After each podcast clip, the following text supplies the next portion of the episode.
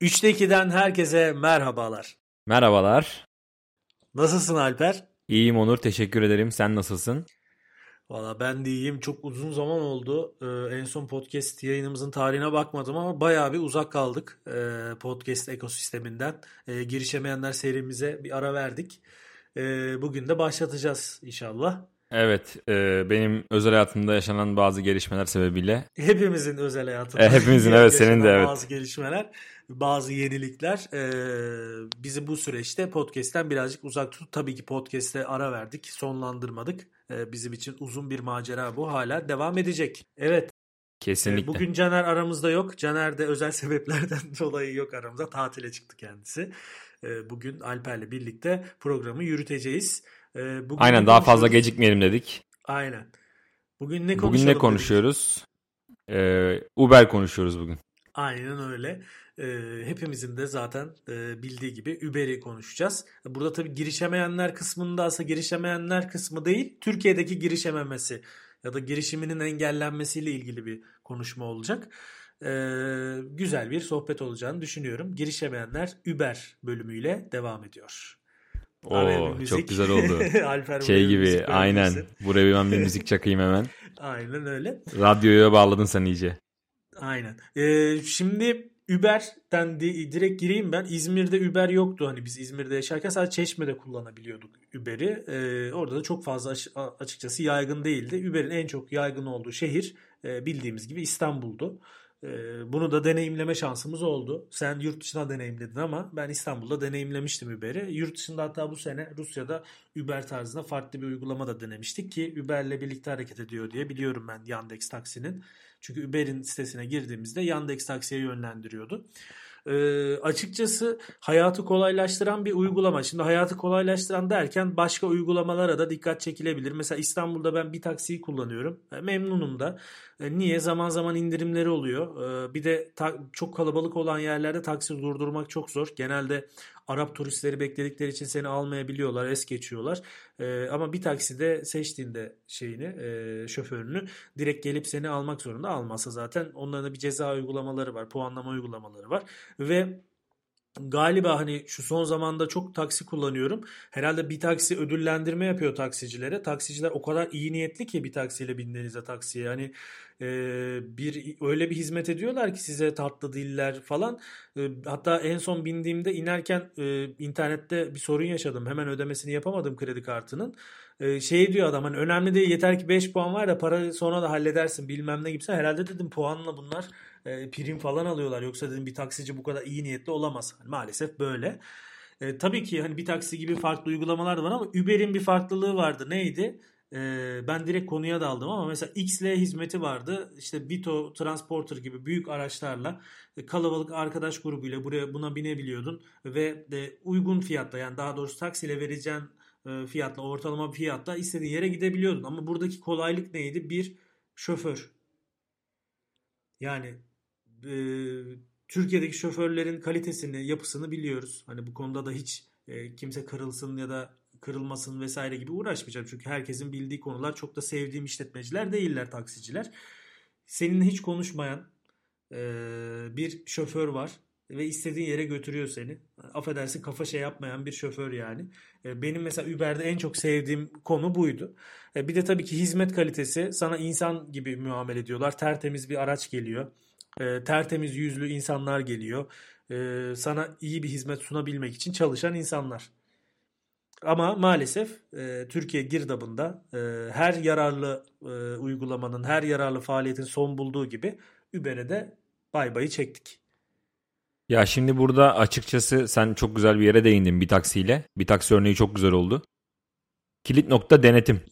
Yani özel sektörde e, denetim olursa bunun illa devlet eliyle olmasına gerek yok.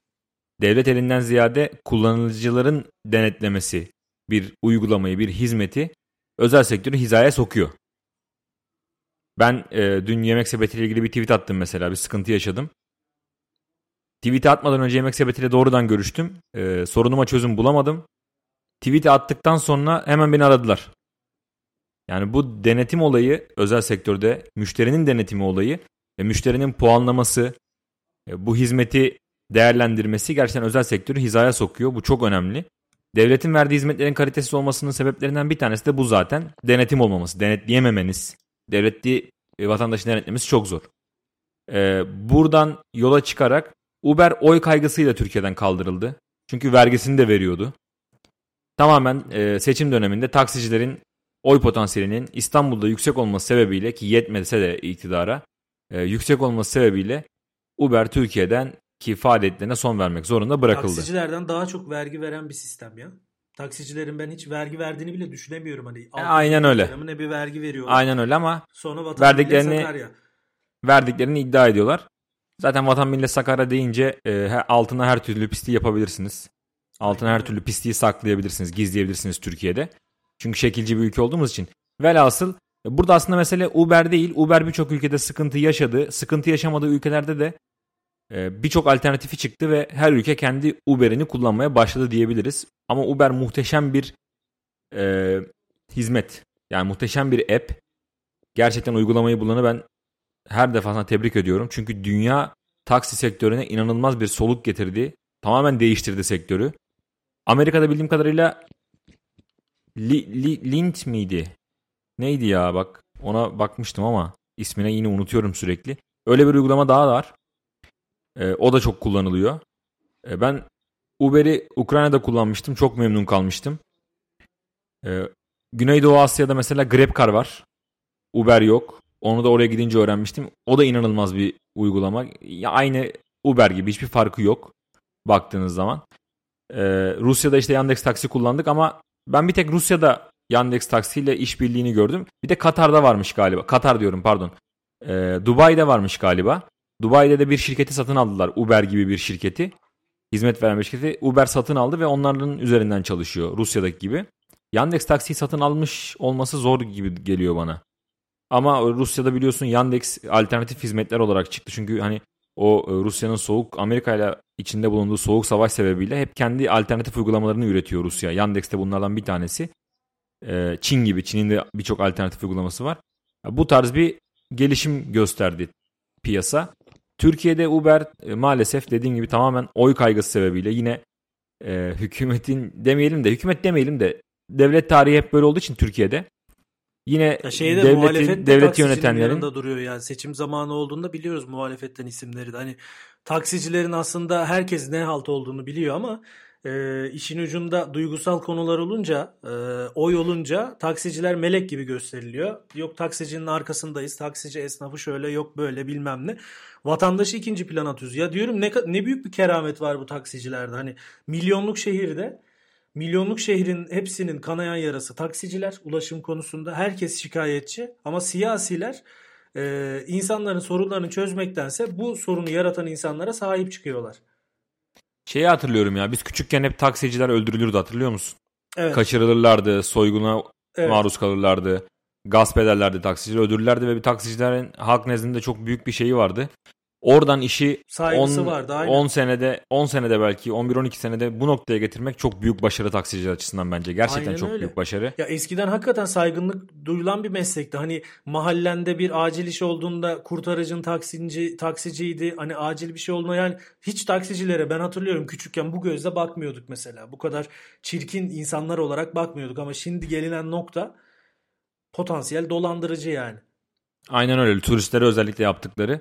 Yani Aynen yurt öyle. dışında da mesela bizim için çok büyük kolaylık oluyor. Yurt içinde de işte turistler için çok büyük kolaylık. Çünkü taksiye binmeden önce bir taksi kullanırsa bile şu an en azından ödeyeceği ücreti görüyor. Taksicinin nasıl bir taksici olduğunu daha önceden nasıl bir hizmet verdiğini puanlamalarından görüyor. Ama diğer türlü elinizi kaldırıyorsunuz. Rastgele bir taksi çeviriyorsunuz. Adam kimdir, nedir? Ee, gerçekten resmi taksicilik mi yapıyor? Kaçak mı? Ya kaçak plakayla bir ara taksicilik yapanlar vardı e, sizi kaçırır öldürür mü? Soyar mı? Ne yapar? Bilemiyorsunuz yani. Hani sıfır denetim. Nasıl hizmet vereceğini, nasıl araba kullandığını hiçbir şey bilmiyorsunuz. Hani bir taksi de şimdi Uber kalktı ama bir taksi uygulaması gerçekten güzel. Bu tarz uygulamaların ilerlemesi lazım. Bu bir de vergiden kaçınmayı da e, vergi kaçırma veya vergiden kaçınma neyse işte. ben yumuşattım. Kaçınma. Vergiden kaçınmayı da engelliyor.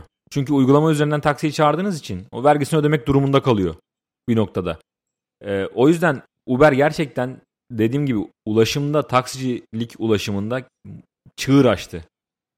Yani dünyada çehresini değiştirdi. Şu Ya an ben yurt şey dışına var. gittiğimde mesela internet satın almamın en büyük sebeplerinden bir tanesi taksi çağırabilmek. Kesinlikle Rusya'da yediğimiz kazığı hatırlıyorsun. İnterneti açamadık Rusya'da. Ee, orada Ruslar da maşallah bize çok benziyorlar. Ee, ha- havaalanında bir danışmaya gittik. Bizi trene yönlendirdi. Tren de çok anormal bir yere gidiyor. Hani gideceğimiz yere götürmüyor ama o trene bindirdi ve açıklaması şeydi. e, Yandex taksi çok pahalı buradan. Tren en ucuzu dedi. Meğersem trene iki kat para ödemişiz Yandex taksiyle gideceğimiz mesafede. Maalesef. O yüzden maalesef. Şey de var. Bir de şu var. Tam küreselleşmenin örneği ya Uber. Mesela e, Türkiye'de kullanıyorduk. E, Yurt dışına gidiyorsun. Mesela biz Ukrayna'ya gittik Odessa'ya. E, Küçücük bir yer. Orada da taksiciler aynı Türkiye'deki taksiciler gibi. Uber'le fiyatları arasında ciddi uçurumlar vardı. Mesela orada fiyat farkı da vardı. Biz Uber'le her yere gittik. Zaten ucuzdu. Çok da güzel oldu. Hani dünyanın farklı bölgesine gittiğinde ulaşım konusunda sıkıntı çekmene engel oluyor Uber. Çünkü bir alışkanlığın var. Bir alışkanlık yaratmış dünyanın her yerinde. Rahatlıkla ulaşımını çok kolay bir şekilde gerçekleştirebiliyorsun. Sana böyle bir imkan sağlıyor. Ha bir de şu da var. Şunu da eklemek isterim. Hani biz burada taksicilerle ilgili şeylerden bahsediyoruz. Elbette ki iyi taksiciler, işini layıkıyla yapan taksiciler de var. Ona sözümüz değil. Biz genelleme üzerinden konuşuyoruz burada. Hani üstüne alınan zaten o e, pozisyonda olan kişidir. Üstüne alınmayan Ya üstüne alınacak- bu işi layı, layığıyla yapıyordur. Üstüne alınan da açıkçası dinlemesi podcast'imizi. Hani zorla da dinletmiyoruz. O rest oldu. Ee, üstü, herkes dinlesin. Biz her fikri açığız da. Ee, üstüne alınan e, alınabilir yani. Biz avukatlık 101 programı yapıyoruz. İsmi avukatlık. Yani avukatlığı konuşuyoruz sadece. Tamamen avukatlara sallıyoruz yani. Avukatları eleştiriyoruz. Çünkü gerçekten kötü yapılan uygulamalar var. Bizi etkiliyor yani sonuçta. O yüzden tabii ki genel olarak kötü bir hizmet varsa ortada bunu eleştireceğiz yani. Eleştirmek zorundayız. Ya bir de turistler için çok önemli ya. Biz şeyde e, Bangkok'ta biraz şey gibi oldu bu daha. Biz çok geziyoruz havası atarmış gibi oldu da. Deneyimler üzerinden konuştuğumuz için örnekler veriyorum. Otelin önünden taksiye binip bir yere gitmiştik. E, ertesi günde uzak bir yere gidecektik. Taksiyle pazarlık yaptık. Pazarlık yaparken bir anda bizim fotoğrafımızı çekebilir miyim dedi sizin fotoğrafınızı. Ona göre fiyat vereceğim dedi. Çıkardı selfie çekti. Birine gönderdi fotoğrafı. Ben dedim tamam seni yarın arayacağım. Kesinlikle tabii kesinlikle aramadım. Bulaşmadım bile. E, otelle görüştüm tekrardan. Otel bir taksici önerdi. Onunla gittik oraya. E, inanılmaz korktum mesela. Yani ben Asya'dasın bir de. E, böyle insan kaçırma olaylarını falan çok duyuyorsun. Adamın bir kere bindim. O şekilde. E, Grab car kullanmadan. Adamın sana ne yapacağı belli değil ya. Fotoğrafını çekip birine gönderiyor. Niye diyorsun? E, işte açıklaması işte fiyat alacağım falan ne alaka yani. Hani orada çekme de diyemedim. E, olduğumuz yere bizi bıraktı. indik arabadan. E, o mesela bizim için şeydi. Allah'tan şehir merkezindeydik. Belki ertesi gün uzak mesafe onunla gitsem başıma bir şey gelecek. Ama e, GrabCar ve Uber tarzı uygulamalarda böyle bir şey yok. Bir kere bindiğin arabanın plakası zaten otomatikman sisteme kaydoluyor.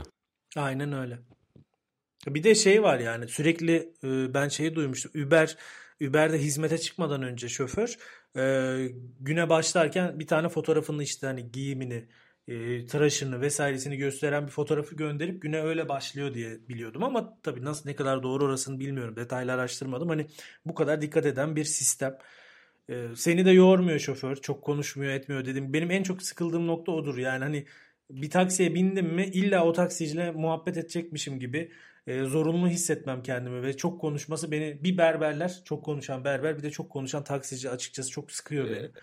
Rusya tabii bu, bu konuda şeydi biraz değil mi? Aynen rahattı. Hepsi Kırgız olduğu için. Aynen hani şey bizi anlıyorlardı biz onları anlayamıyorduk. Hani yine onlar komedisiydi işin de ya çok konuştuğumu da insan açıkçası bunaltıyor. Ya tanımadığım, yeni tanıştığım bir insanla da konuşmak zorunda değilim. Sohbet etmek zorunda değilim. Ee, Kesinlikle. Uber güzeldi ama artık yok. Ama şey de var. Mesela şimdi Uber ülkemize yasaklandı. Bu ülkemiz açısından kötü bir şey işte biz şöyleyiz biz böyleyiz demek demenin de faydası yok. Dünyanın birçok yerinde de Uber yasaklanmış durumda. Hani Kanada Kanası, Kanada'sından tutun işte İtalya'sına kadar ama oradaki yasaklanma sebebi halkın iyiliği için bir e, sistem düşünerek yasaklanıyor. Ama bizde taksicilerin iyiliği için bir sistem düşünüyor ve şöyle de bir durum var. Hep eleştirdiğimiz bir no- nokta. Ulaşımda açıkçası şehir içi ulaşımda bir rekabet yok. Her şey taksicilerin elinde. Taksicilere bir alternatif yok. Taksicilere bir alternatif olmadığı için de taksiciler size iyi hizmet vermiyor. Ben ne verirsem onu alırsın kardeşim diyor. Sen bana muhtaçsın diyor. E, bir rekabet Uber bu rekabeti getirmişti. Sadece Uber de yoktu. Karim vardı, işte farklı uygulamalar vardı.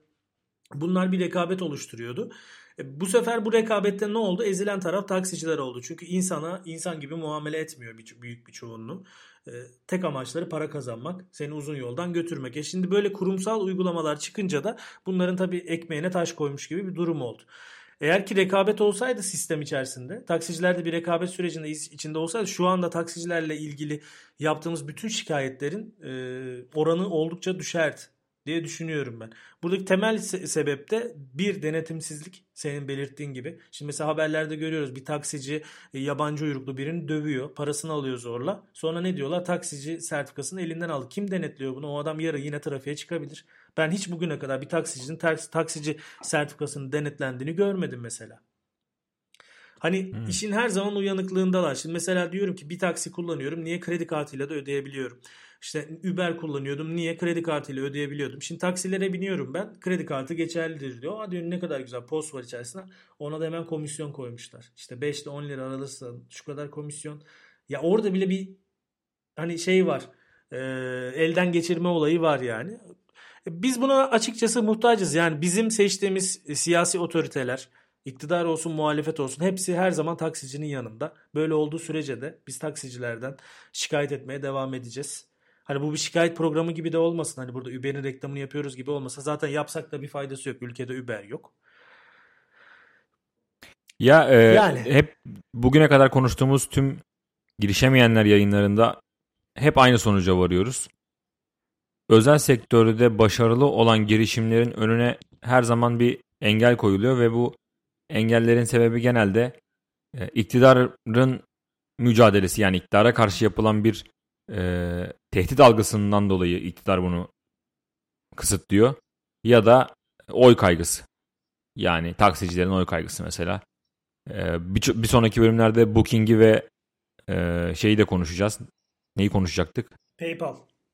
PayPal'ı PayPal. da konuşacağız. PayPal mesela benim içimde ağır bir yaradır. İnanılmaz, inanılmaz Türkiye'deki yani. PayPal girişimciler için ya ihracat yapacak girişimcilerin önünü kesme şeyi yani. Hamlesi. Mikro ihracatçıları bitirdi. PayPal'ın yasaklaması. Öyle. Tamamen bitirdi yani.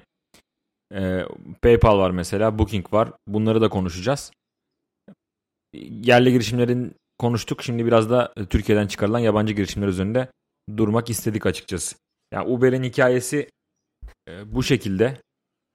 E, başka ne ekleyebiliriz Uber'e? İstatistiklere girmedik. Mesela Uber'in ben hani yeni verisini bulamadım ama geçmiş bir verisi e, toplam geliri 23.988 milyar dolarmış şu an.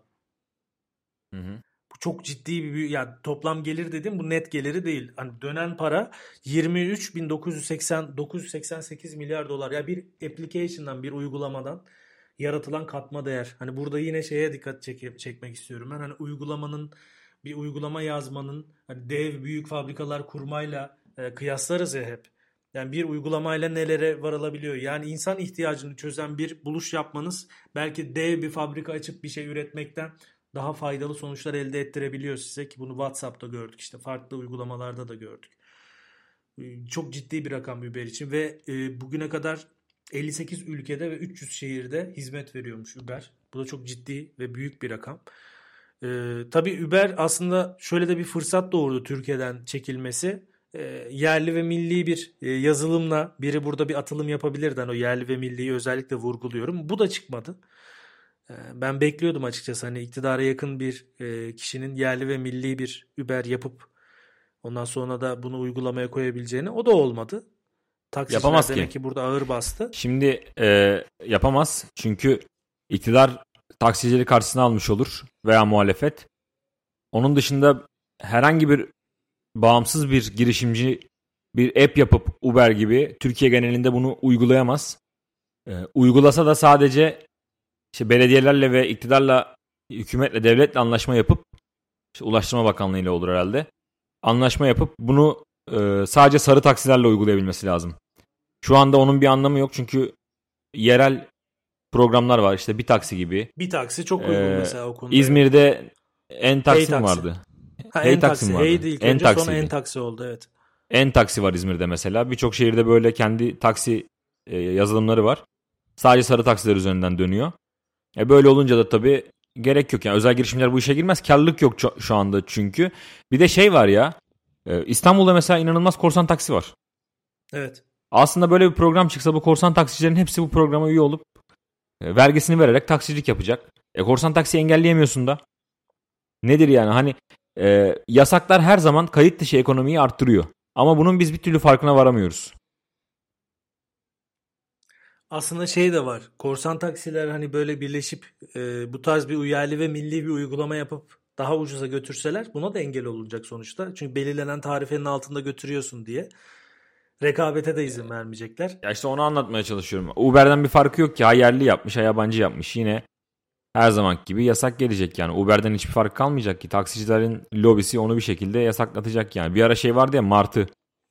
Martıları Aynen. şu an hala hala var. Martıları bile adamlar scooterları atıyorlar. Denize falan atıyorlar denize ya. Kafayı yemişler yani. Ya en son Taksiciler Birliği baş... Martı, Martı'yı eleştiren insanı ta- tanık oldum yani bir taksiye binmiştim. Martı geçti oradan. Bayağı martılara saydırdı bunlar şöyle kötü, böyle kötü, şöyle riskli. Bana onu anlatıyordu orada mesela. Şimdi ya şey var bir takmışlar. Ee, ne diyecektim ya? Bir taksici odası başkanının bir açıklaması olmuştu saçma sapan. Neydi o ya? Martılarla Onu... ilgili mi? Yok yok farklı bir konuyla ilgili çok alakasız saçma sapan bir açıklama yapmıştı ha, bu arada ama. şey de var gündemi de baya yoğun şey yapabiliyorlar. Ee, böyle tehditleriyle hani şu olursa bunu yaparız trafiği kitleriz şunu yaparız bunu yaparız. Hani bir esnaf odasından farklı olarak başka bir yapıymış gibi hareket ediyorlar. Ee, yani işte evet ya bir değişik ya. Çok ayrı bir kafa. O şeyi açıklamaya bakıyorum da bulabilecek miyim diye bulamayacağım muhtemelen. Ee, mesela bir açıklama yapmış 22'sinde gör, Türkiye'de siyasetin kaderini değiştirecek bir topluluğuz. Zaten ana nokta bu. Aynen. Çok alakasız bir açıklama yapmıştı ya. Çok komikti. Bu Ekrem İmamoğlu'nun ek taksi getireceğiz açıklamasından sonra konuşmuştu. Ya inanılmazdı ya. Hani ne alaka demiştim ben. Yani çok garipti yani.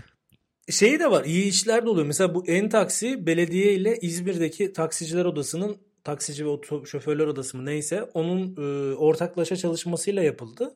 Mesela oradaki e, çok ilginç hani Türk İstanbul'daki taksiciler odası başkanına göre adam çok farklı bir konuşma yaptı. Şey dedi hani Uber vesaire bu gibi e, uygulamalar teknolojinin geliştiği şu zamanda kaçınılmaz bir yol. Biz de taksiciler olarak hani buna karşı çıkmaktansa kendi içimizde bunu çözebilecek bir uygulama, bir sistem yapmalıyız demişti adam. Gittiler mesela İzmir'de en taksiyi kurdular. Hani çok Hı-hı. da iyi oldu mu? Bence iyi oldu. E bu sefer de şeyi taksiciler şeyi eleştiriyordu. Orada bir e, ekran kuruluyor o, taksinin içerisine. Ekranı kuran firma da 1000 lira para alıyor. Adam diyor ki ben bunu diyor 100 liraya yaptırıyorum. 1000 lira niye ödüyorum buna? Yani hani onun bir lisanslaması bir hani o şirketin de bir şey kazanması gerekiyor. Sana bu hizmeti sunuyor. Bunun arkasında yazılım var ama öyle bir eleştiri getirmişler ama mesela beni İzmir'deki taksiciler odası başkanı çok şaşırttı. Çok da takdir ettim açıkçası böyle yaklaşmasına konunun. Ama mesela İstanbul'daki taksici odası başkanı e, neredeyse meydan okuyor yani insanlara hani şunu yaparız. Bir de İstanbul'da birçok böyle e, iktidara yakın kişinin taksi plakası var diye biliyorum. Sanatçılarımızın da özellikle taksi Evet sanatçıların da var evet. Tabii evet. ki bu noktada halkın yanında değil e, sermayenin yanında olmaları çok çok normal. Sermaye evet, o da çok... onlara değişik bir olay onlarınki. Tabii tabii. Orada da o baya bir sıkıntılı süreç var. Onun da etkisi olduğunu düşünüyorum ben. Ya o sarı taksi şeyini bitiremeyeceğiz ya. Sarı taksinin bir Aynen vesayeti öyle. var yani net olarak. Onu bir... her şey vardı mesela bir de bu koronanın başında biliyorsun e, eylem yapmışlardı korona eylemi hatırlıyor musun? Evet. Ya, ya evet çok ya, o çok, çok müthiş değil mi şey ya? ya. Ne işte yapalım yani hani diye eylem yapıyorlar. Ne yapalım? Cebimizden çıkarıp e? size para mı verelim ya? ne yapalım hayır şey mi yani hani koronaya karşı dava açsınlar yani. Koronayı ülkeden mi çıkaralım ne yapalım Aynen. hani. Çin'e dava açın gidin de.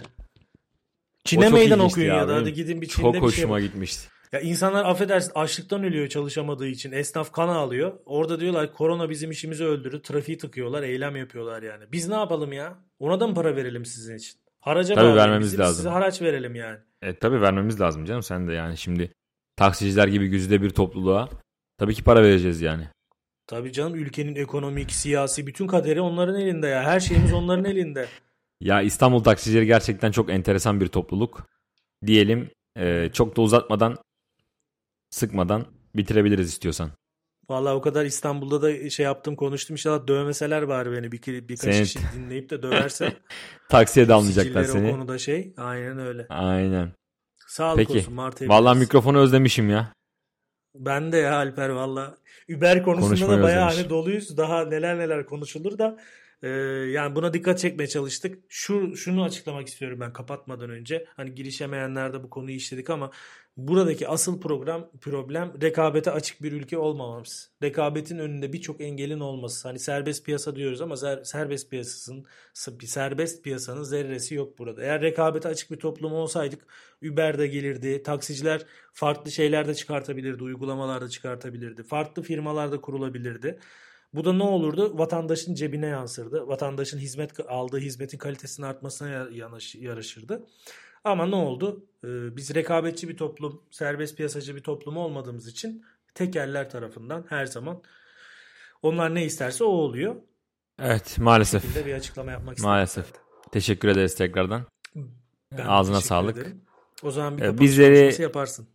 Bizleri her zamanki yerlerden dinleyebilirsiniz diyelim. Podimedia.com üzerinden e, bütün kanallarımıza ulaşabilirsiniz. Ama özellikle Spotify ve Apple Podcast'ten dinlemeleriniz ve e, kanallarımıza abone olmanız, takip etmeniz çok önemli. E, Teşekkür ederiz. Birçoğunuz da takip ediyorsunuz zaten. Gerçekten sayılar bizi çok memnun ediyor. E, Bunun yanında Apple Podcast'ten yorum yapıp puanlarsanız, bize geri dönüş yaparsanız çok çok seviniriz. E, Şimdilik podimedia.gmail.com üzerinden bize ulaşabilirsiniz. İnternet sitemizden de e, kurumsal mail adresimizi yakında paylaşırız zaten. Oradan da internet sitemiz üzerinden de tüm programları dinleyebiliyorsunuz bu arada. Çok teşekkür ederiz. Ee, Çok Görüşmek üzere. Hoşça kalın. Hoşçakalın.